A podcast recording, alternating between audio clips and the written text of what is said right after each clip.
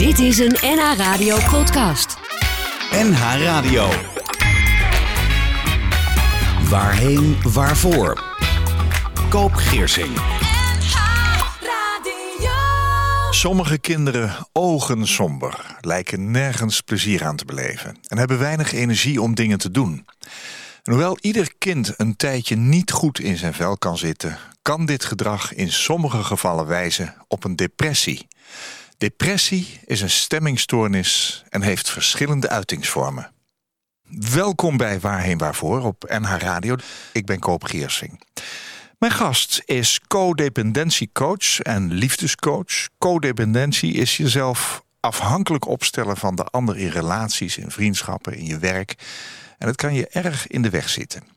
Mijn gast geeft handvaten om volwassen gelijkwaardige relaties aan te gaan. Een jaar geleden begon zij aan het schrijven van het boek Einde aan de duisternis als je kind een doodswens heeft. Zij wilde meer doen dan alleen haar persoonlijk verhaal vertellen. Het moest naast herkenning ook hulp bieden. En op 15 oktober komt het uit. Ze is dus ook schrijver. Welkom Desiree Tomino. Goedemorgen, dankjewel. Ik zeg Tomino, maar het is met een tweepootje, Ja, hè? klopt. Tonino. Ja. Waar komt dat vandaan? Italië, heel Ja, lang geleden. Dacht ik al wel, ja. ja. Ik heb de kaaskop van mijn moeder geërfd, dus aan mij zie je het niet. En waar komen je ouders vandaan? Welk Eh, gedeelte van het land? Eh Rijswijk, Oh ja. maar ook weer lang geleden. Ja, maar jij komt uit het Brabantse, hè? Ja, ik kom uit Brabant. Ja, ja, dat kunnen we een beetje horen. Jawel, hè? Daar ben ik ook Ja. wel trots op. Hey, gefeliciteerd eh, dat dat boek uitkomt. Ja, de, de inhoud gaan we het zo wel over hebben. Is Ja. ook wel een, nou, niet te zeggen van hoera, maar eh, eh, de inhoud is serieus. Einde aan de duisternis heet het. Het komt komende week uit. Mhm. Hoe voelt het dat jouw verhaal straks door iedereen gelezen gaat worden? Nou, dat vind ik wel een beetje spannend. Ja? Het is een eh, heel persoonlijk verhaal. Eh, mijn angsten, mijn... Ja, over, hè, over mijn zoon gaat het dan. Ja, Eh daar gaan we het straks over hebben. Maar Ja. ik geef mezelf ook wel in bloot in het boek. ja. En ja, ik, ik hoop daarmee anderen herkenning te bieden, wat je ook al zei. ja. Maar het is ook een beetje spannend. Ja. Tuurlijk, ja, Ja. ja, zeker. Ehm, jouw boek heet Einde aan de duisternis. Als je kind een doodswens heeft en gaat over jouw relatie met jouw zoon Sven in Ja. het boek, Ja.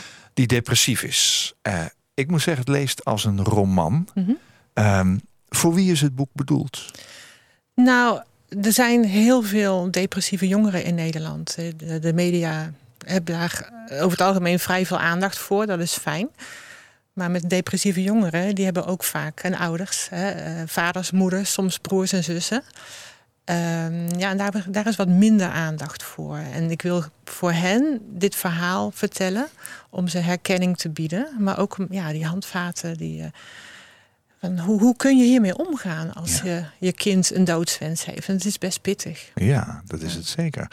Eh, Sven heeft ook een broer, hè, een tweelingbroer. Hij heeft twee broers, ja. Twee broers, maar één tweelingbroer, Ja, begrijp ik? een, eh, een eigen tweelingbroer. Ja, Ja. ja, ja. ja, Ja. Hey, ehm, het is voor die mensen die in die situatie zitten. maar Jij zit in die situatie. Mhm.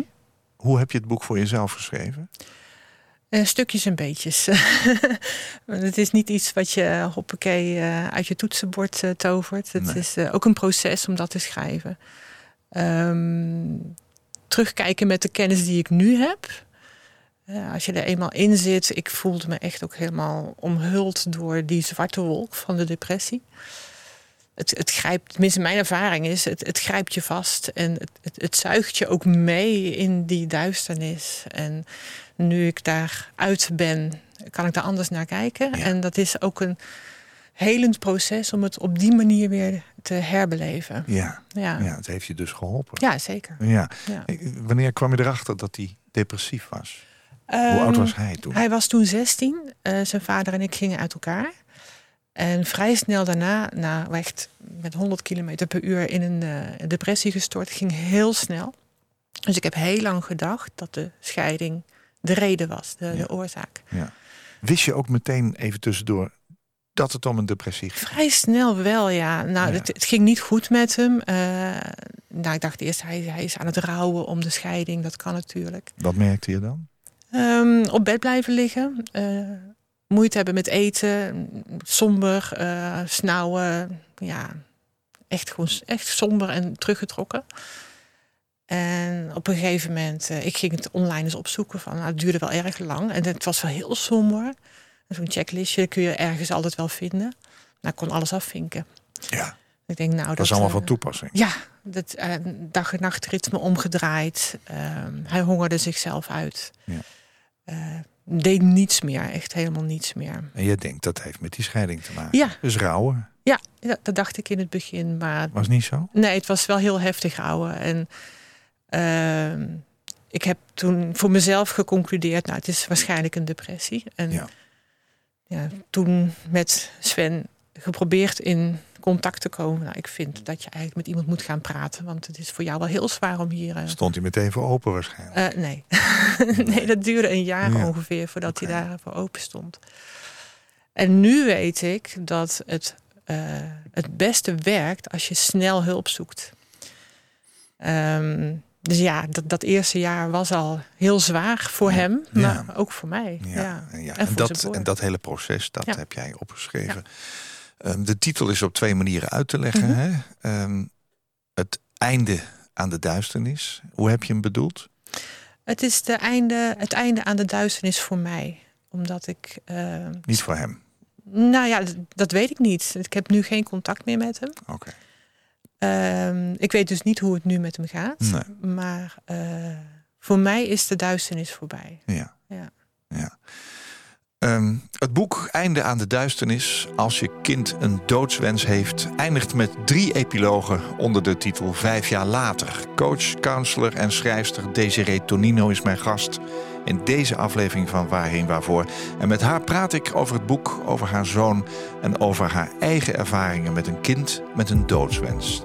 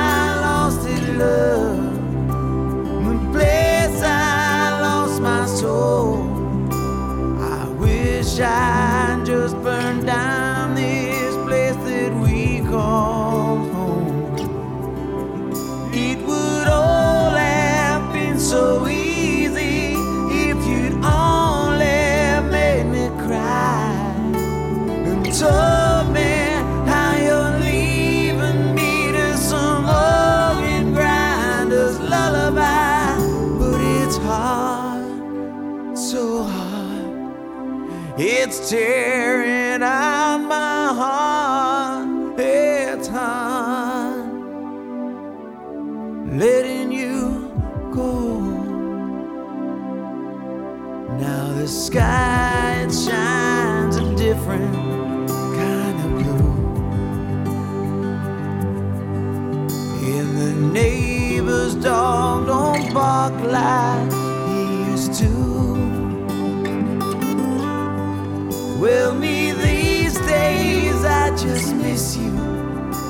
the nights that I go insane. Unless you're coming back for me, that's one thing I know that won't change. Cause it's hard, it's so hard. It's tearing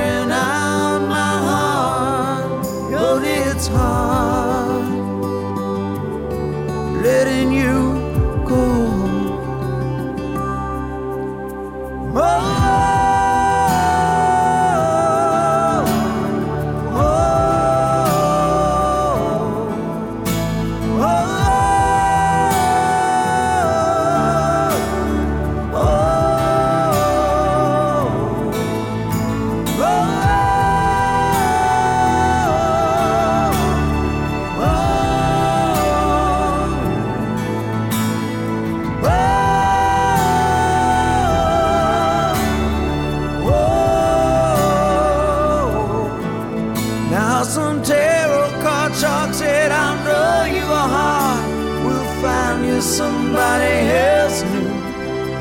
Well, I made my last trip to those carnival lifts when I bet all that I had on you. Oh, it's hard, it's hard, it's hard, so hard. Oh, it's hard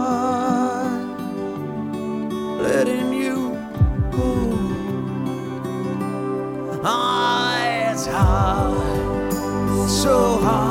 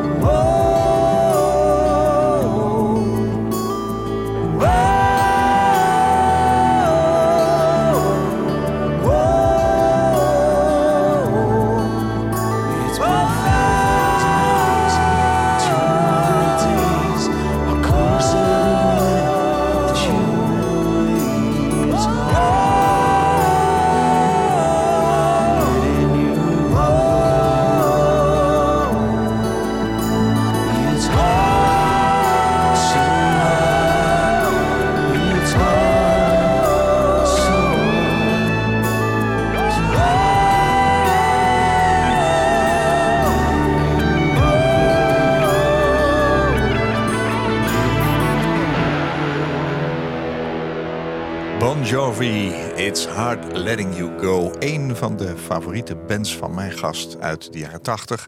Van een van hun beste albums, hè, heb jij ook gezegd, uh, ja, ja. Je liet me weten dat toen je dit eh, voor de eerste keer hoorde... met die drums op het einde, met die hartslag eronder... dat je in tranen uitbarstte. Hè? En, en ik zie dat het je nog steeds wat doet. Ja. Waarom vind je het zo mooi? Omdat het precies is hoe het voelt. Ehm, ja, ik heb Sven los moeten laten. En dat voelt ook echt alsof er een stukje van mijn hart is verdwenen. Ja, ja, ja, ja. Gaat dat nog goed komen, denk je dan? Weet ik niet. Op dit moment even ben ook niet mee bezig. Nee, nee, ik heb geen idee. Dit is eh, hoe het is. En eh, Ja.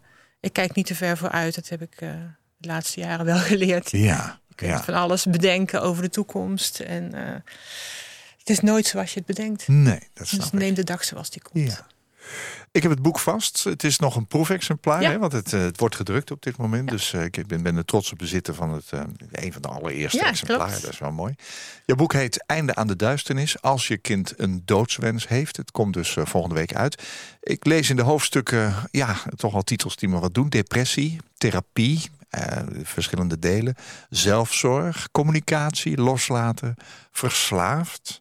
Ehm, crisis, stoelendans, ziekte, winst, afscheid. Ik rouw van jou. Dat vond ik zelf een mooie titel. Je hebt hem geleend, zeg je, maar Mhm. hij is wel passend. Ja. En dan, wat ik net zei, vijf jaar later, je kijkt ook terug. En nu zeg je eigenlijk tegen me, ik heb geen contact meer met hem. Hè?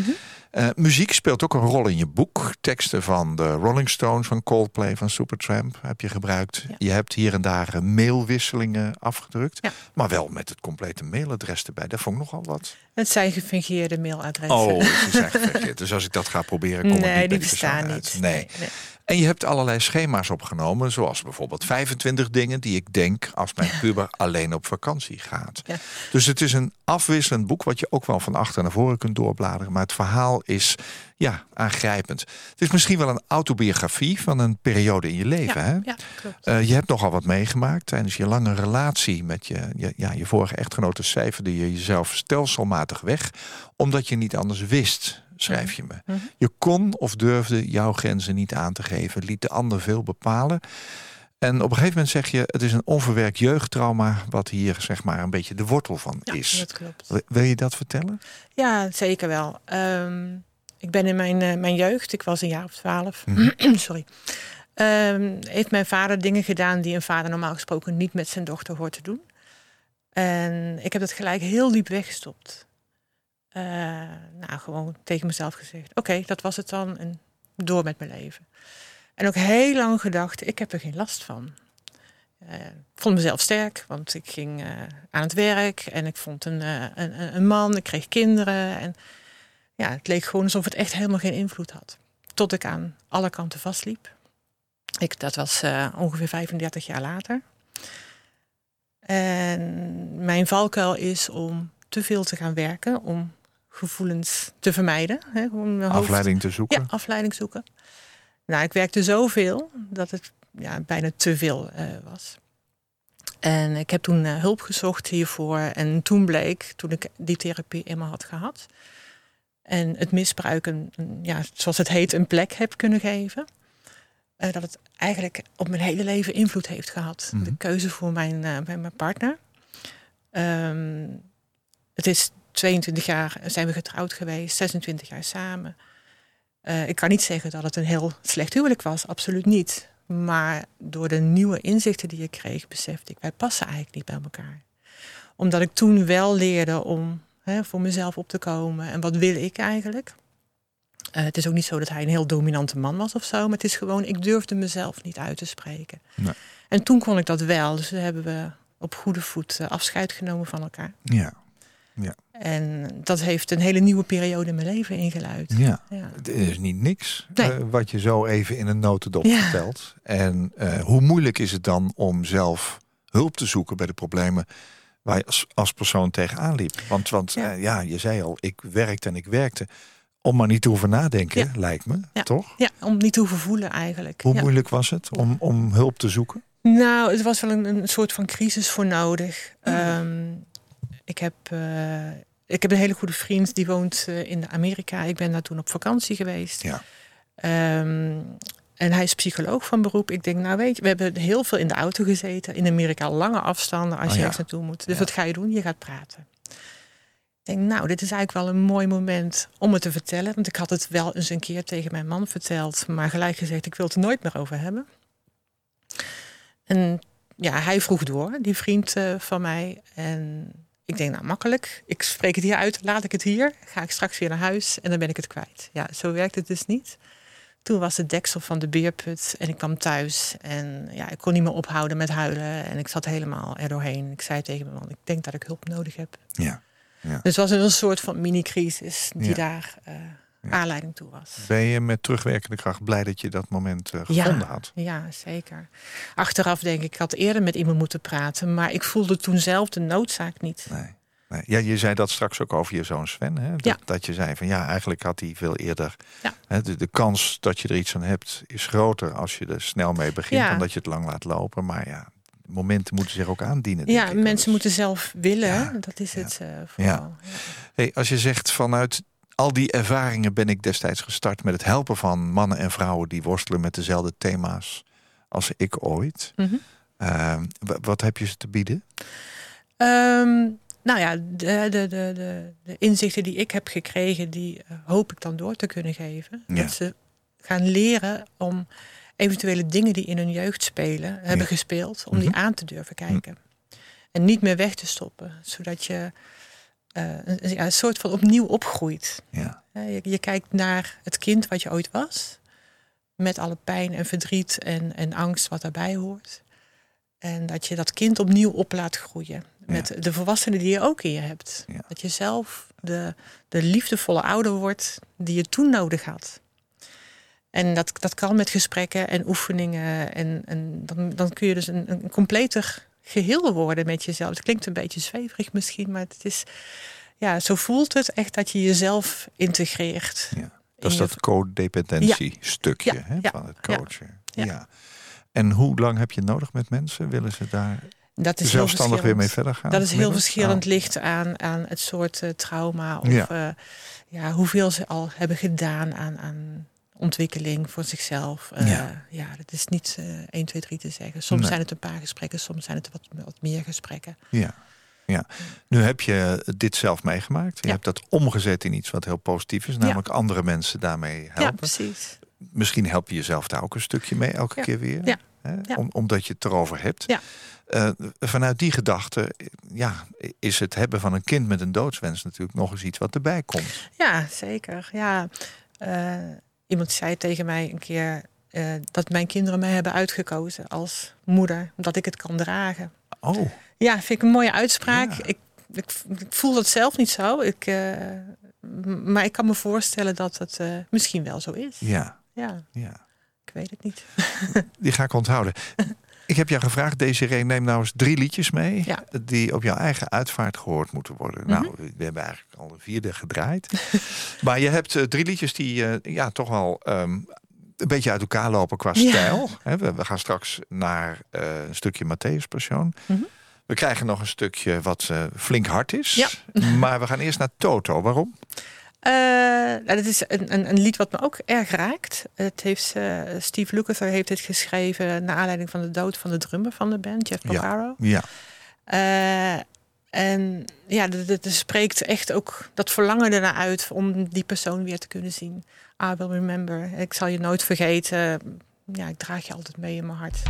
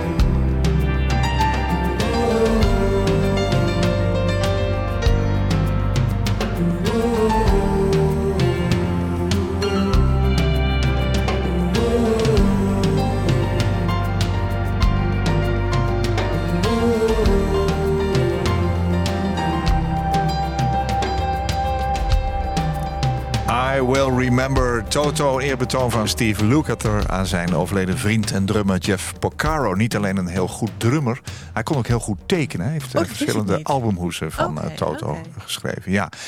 Eh, mooi liedje. Mijn gast in deze uitzending van eh, Waarheen Waarvoor is Desiree Tonino. Zij schreef het boek Einde aan de Duisternis. Als je kind een doodswens heeft.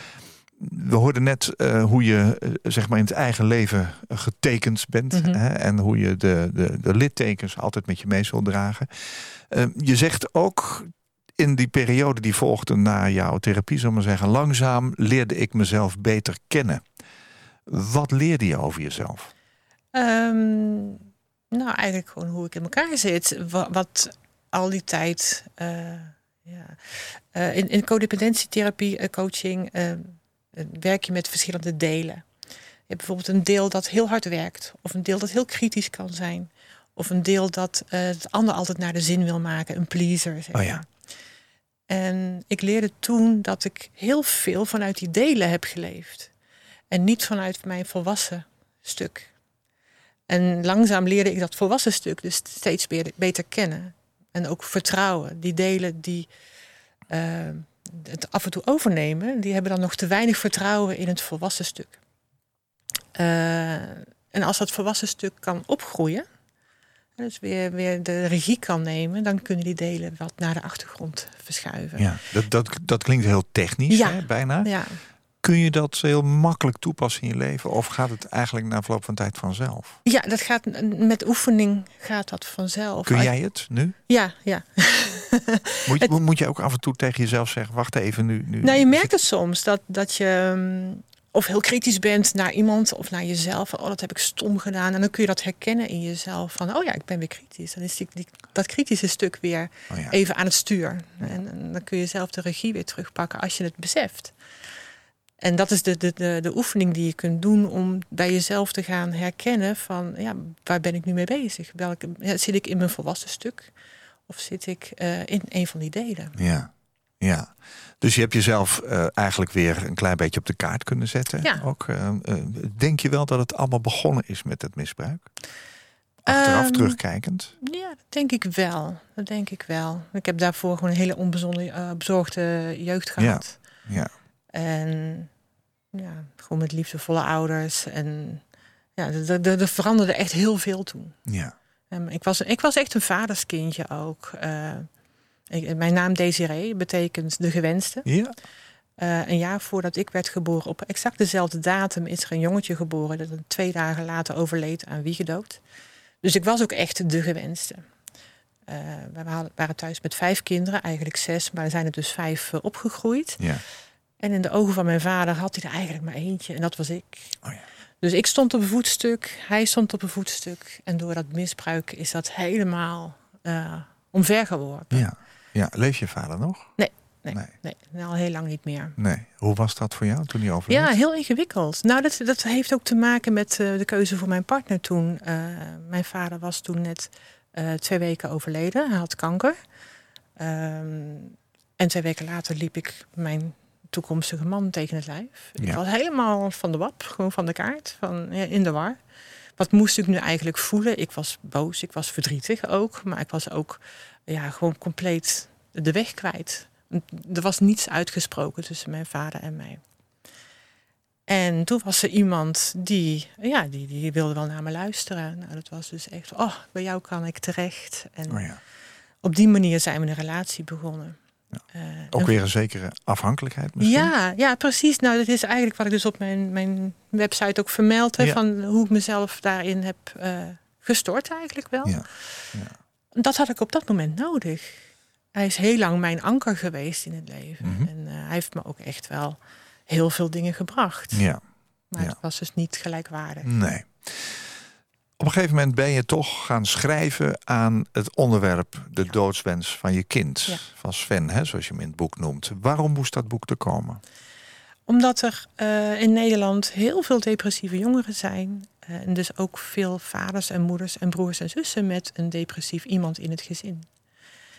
En die groep, die. eh, Het lijkt wel of je daarbij eerst aan een ander denkt. Van, ik moet Ja. iets voor een ander schrijven. Maar even Ja. naar jezelf toe, als je wil. voor mijzelf, dat is eh, het verwerken er ook van. Van, Oh ja. het hele, eh, van die hele periode dat, dat Sven depressief bij mij in huis woonde. Ja. Ehm, het, het idee komt van, van mijn huidige echtgenoot, van Dennis. Ja. Eh, ik In was het boek- bezig met in dingen. het boek heet hij Dennis. Ja, in het boek heet Ja. hij Dennis. Eh, Alle namen heb Hoe ik heet jij in het gefuseerd. ik heet gewoon deze. Deze ja, oké. ja. Maar die, ik was bezig met dingen opschrijven. Hij zei, joh, schrijf er een boek over. Ik- Nou, dat vond ik echt een heel goed idee. Ja. Maar om niet alleen mijn eigen verhaal te vertellen, maar ook voor anderen. Dus ja. heb ik er meer in gestopt dan alleen mijn verhaal. Hoe ben je begonnen met schrijven? Hoe ben Wat, ik wat begonnen? was het eerste wat je opschreef? Weet je het nog? Ehm, nee, dat weet ik niet meer. Nee, het, het- ik had heel veel stukjes. Ik heb al, al die tijd wel een soort van dagboek bijgehouden. ja, dus je had aantekeningen, zeg maar. Ja, dus die ben ik gaan sorteren en uit Ja. gaan werken. Oh, En ja. ik weet niet meer waar ik mee begonnen ben. Nee. Nee, wist je ook welke vorm je zou kiezen voor het boek? Omdat Daar heb ik een half jaar over nalopen denken. Mhm. Ik heb echt, echt eerst lopen denken, hoe wil ik het? Wat wil ik ermee? Is het alleen voor mij of ook voor anderen? En hoe ga ik het dan indelen? En eh. Dennis heeft daar ook weer mooie tips en nou, tips, gewoon ideeën eh, over inge- We hebben het een beetje samen vormgegeven. Oké, oké. Nou, het resultaat ligt voor me. We gaan zo verder over praten. Ehm, is jouw leven een highway to hell geweest? Ja, nee, absoluut niet. Nee? Nee. Nee, het is gewoon een ontzettend lekker nummer. En eh, ja, ik, ik vind eh, eh, een van de liedjes die ik op mijn uitvaart zou willen horen. Ja, ik niet meer, maar de mensen die er nog zijn. Ja, waarom alleen maar treurige muziek? Ja, het was een idee van jouw andere zoon, toch? Ja, van Lars. Ja, ja.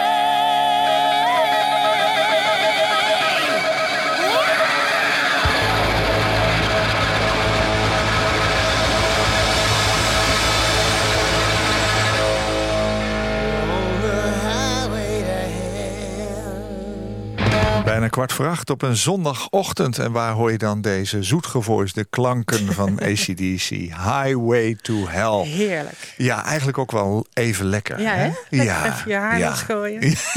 ja, precies. Ja. We hebben een beetje mee zitten spelen eigenlijk. Hè? Eh, mijn gast is Desiree Tonino. Einde aan de duisternis heet het boek wat komende week eh, uitkomt. Eh, ja, het gaat over jou, het gaat over je zoon Sven. Jullie hebben geen contact Nee. op het ogenblik, heb je gezegd. Eh, hoe denk je dat ze tegen het verschijnen van het boek aankijken? en ook Eh, jouw, misschien jouw ex-echtgenoot. Ja, van Sven weet ik het niet. Hoe die dit- Nee. Ik weet dat hij het weet, dat het eh, boek eh eraan Dat hoor je dan komt. weer via je andere zoon Ja. natuurlijk. Ja. Eh, Pieter, mijn eh, ex-echtgenoot, die heeft eh, laten weten dat hij er niet blij mee is. En dat kan ik me ook wel voorstellen. Mhm. Maar het verhaal gaat niet over hem. Het gaat over mijn worsteling. Hm. eh, met... Waarom kun je je voorstellen dat hij daar niet blij mee zal zijn? Nou ja, het is niet eh, gevraagd. Ik bedoel, ik, ik heb niet overlegd met hem of ik hem ehm, mag noemen. Ik, ja, ook zijn naam is gefingeerd. Ja, Eh, het, het, het zijn mijn herinneringen. Het is m- mijn ja, een stuk van mijn leven, hoe Ja. ik het beleefd Ja. heb. ja. Sven was 16 Ja. toen eh, hij eh, signalen vertoonde. Jij ging eens googlen. Kwam er eigenlijk achter dat alle dingen die je vond wel op hem van toepassing Ja. waren. Welke dingen zijn dat bijvoorbeeld? Nou, slecht slapen. Hij eh, had heel snel het dag- en nachtritme omgedraaid. Mhm, S'nachts actief, overdag zijn bed niet uit. Heel slecht eten, slechte zelfzorg, dus niet douchen. niet bereikbaar. gewoon. Nergens zin in ook. Ja, nergens Nee. zin. Wilde ook niet over praten dan? Hij wilde er niet over praten. Nee. Nee. Je zei, ik had al een soort dagboek, hè? dus je had aantekeningen en Mhm. stukjes. Eigenlijk vond je dat je het maar op papier moest zetten. Ja. Dat werd door jouw eh, huidige man ook gestimuleerd. Mhm. Ehm, wat heeft het schrijven van het verhaal jou zelf geleerd? Ehm, Wist je alles al? Of ben je schrijvende wijs ook nog wijzer geworden?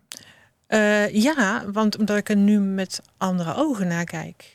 En als je er middenin zit, dan, eh, ja, toen ik er middenin zat, je wordt meegezogen in die neerwaartse spiraal van hoe, hoe slecht het steeds met hem, eh, slechter steeds met hem ging. Ja.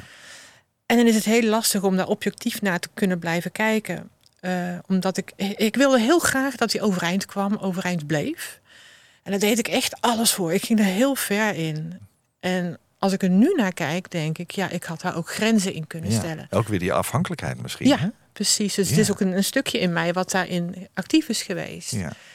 Maar ja, als, als het om je kind gaat, als, als moeder zijnde, maar ook als vader zijnde, eh, je wil niets liever dan dat het goed gaat met Tuurlijk. je kind. Ja, zeker. Dus daar ga je ook heel ver in. En is het heel lastig, want waar ligt die grens? Ja. Want je kind loslaten of een, zelfs een stukje daarvan loslaten is gewoon heel erg moeilijk. Dat is aan het eind van het proces gebeurd. Ja. Eh, in het begin van het proces kom je erachter dat die, die depressiviteit echt heeft. Wat deed dat met jou en met jouw leven op dat moment?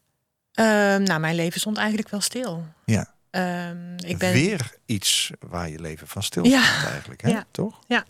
Ik, ik eh, werk vanuit huis. En ehm, dat was ook een van de redenen dat Sven op een gegeven moment naar mij toe is verhuisd. Hij weigerde eerst bij mij te wonen. En in overleg met zijn vader is hij toen alsnog eh, naar mij komen. Omdat ik de hele dag thuis was. Ja. Eh, mijn, mijn, eh, zijn vader die moest op, op zakenreis. En nou, ik zag het niet zitten dat hij daar zou blijven. Nee.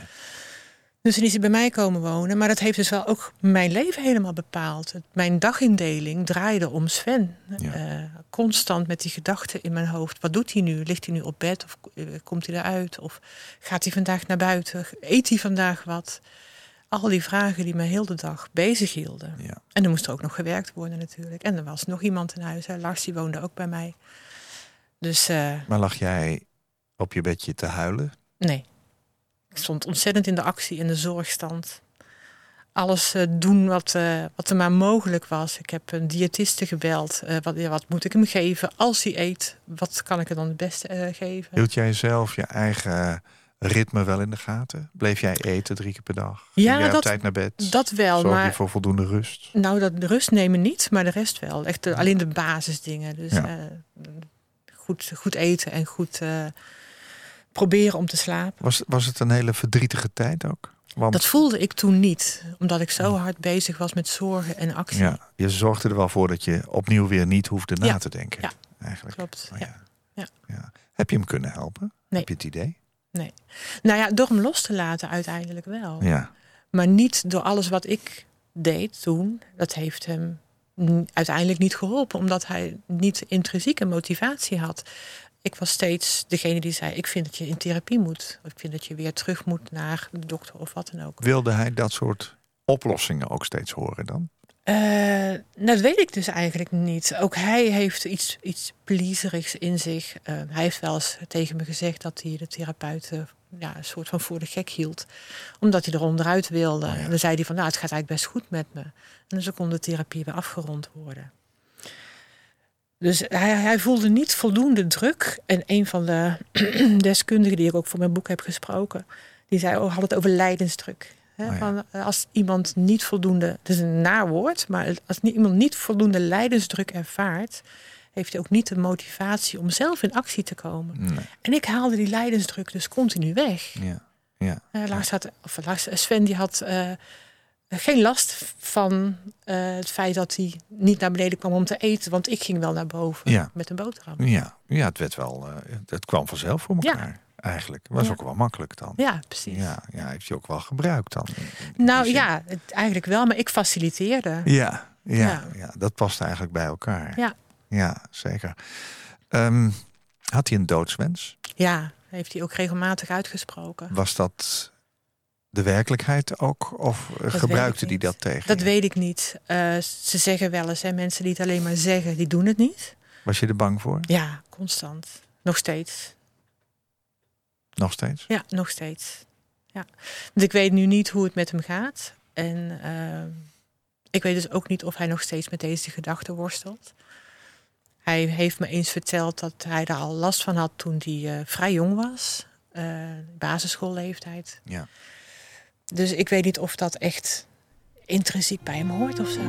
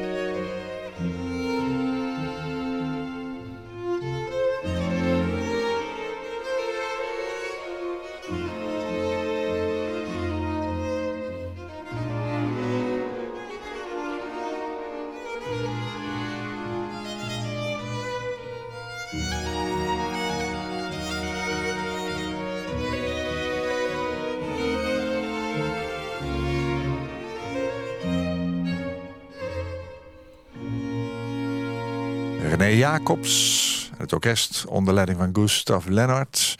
Een stukje uit de Matthäus-passion, Erbarme dich. Ben je gelovig? Niet meer. Ik ben wel katholiek opgevoed. Oh ja, maar, eh, dus je weet waar het vandaan komt. ja, dat Ja. zeker. Maar de muziek is zo mooi. Dit zou je op je uitvaart wel willen laten horen? Ja, Waarom? ja het is eh, dichter bij de hemel kom je niet, denk ik, met Bach. Nou, met de Matthäus-passion ook niet misschien. Nee, ja, precies. Ja, ik Ja. vind het zo mooi. Het is, eh, ja, ik ben dus inderdaad niet gelovig, maar dit Nee. heeft wel een beetje dat gevoel erbij. Ja. Ja. Je hebt verteld dat je zo'n doodswens had, heeft. Eh, heb je hem zelf ook gehad? Jawel, ja, zeker wel. Ook in mijn eigen proces met het verwerken van mijn verleden. Ja. Ehm, en ik denk dat heel veel mensen er wel eens aan denken. Ik denk niet dat het heel Hmm. uitzonderlijk is. Nee. Eh, ja, en laten we wel wezen, de dood hoort bij het leven. Jawel, maar goed, er zijn ook mensen die zeggen... ik hoop dat ik nog lang niet dood ga. Oh ja, zeker. Ja. Hoe is dat bij jou? Eh, ook hetzelfde. Maar Gelukkig. ja, ja, ja, zeker. Ja. Nou ja, ik, ik, eh, ook daarin kijk ik niet te ver naar de toekomst. Want je weet gewoon niet hoe het gaat. Gewoon elke dag de slingers ophangen. Dat is eh, voor mij hoe het leven eruit ziet.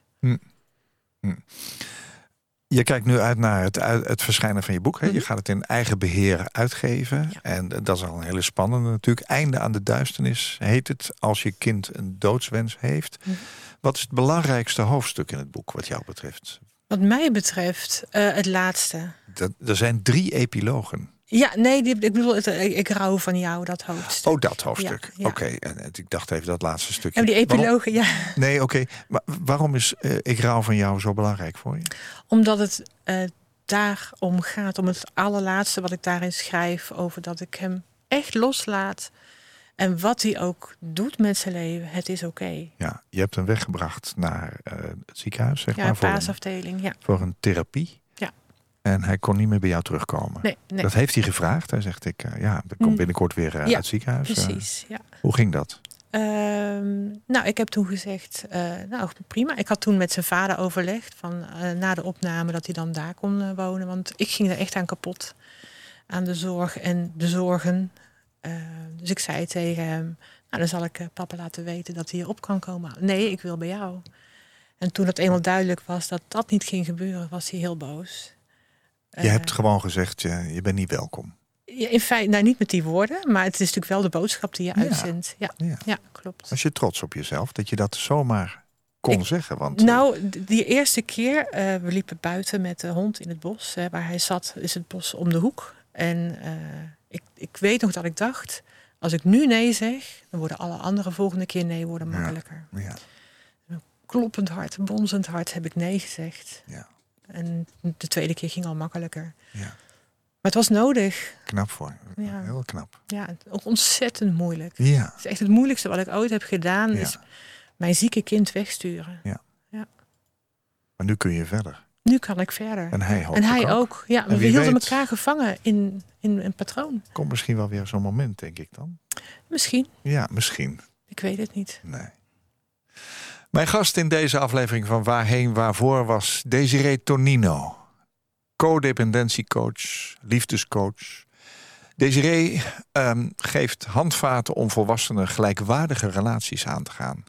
En een jaar geleden begon ze aan het schrijven van het boek Einde aan de duisternis als je kind een doodswens heeft. Over de depressie van haar zoon en wat dat met haar gedaan heeft. En ze wilde meer doen dan alleen haar persoonlijke verhaal vertellen. Het moest naast herkenning ook hulp bieden. Komende week op 15 oktober komt het uit. Dankjewel Desiree voor je moedige verhaal. Dat je ook hier wilde vertellen. Je bent er heel open over. Ik wens je mooie recensies toe. Dankjewel. En eh, dat je maar veel mensen mag inspireren met het boek. en met je ook. dagelijkse werk. Ja, dankjewel. Fijn dat je wilde komen. Dankjewel. Fijn dat ik er mocht zijn. Koop Geersing. Als jij een keer te gast wilt zijn in Waarheen Waarvoor om te vertellen over jouw levensreis, laat me dat dan weten via waarheenwaarvoor@nhradio.nl. Waarheenwaarvoor@nhradio.nl. Dit was een NH Radio podcast. Voor meer, ga naar nhradio.nl. Radio.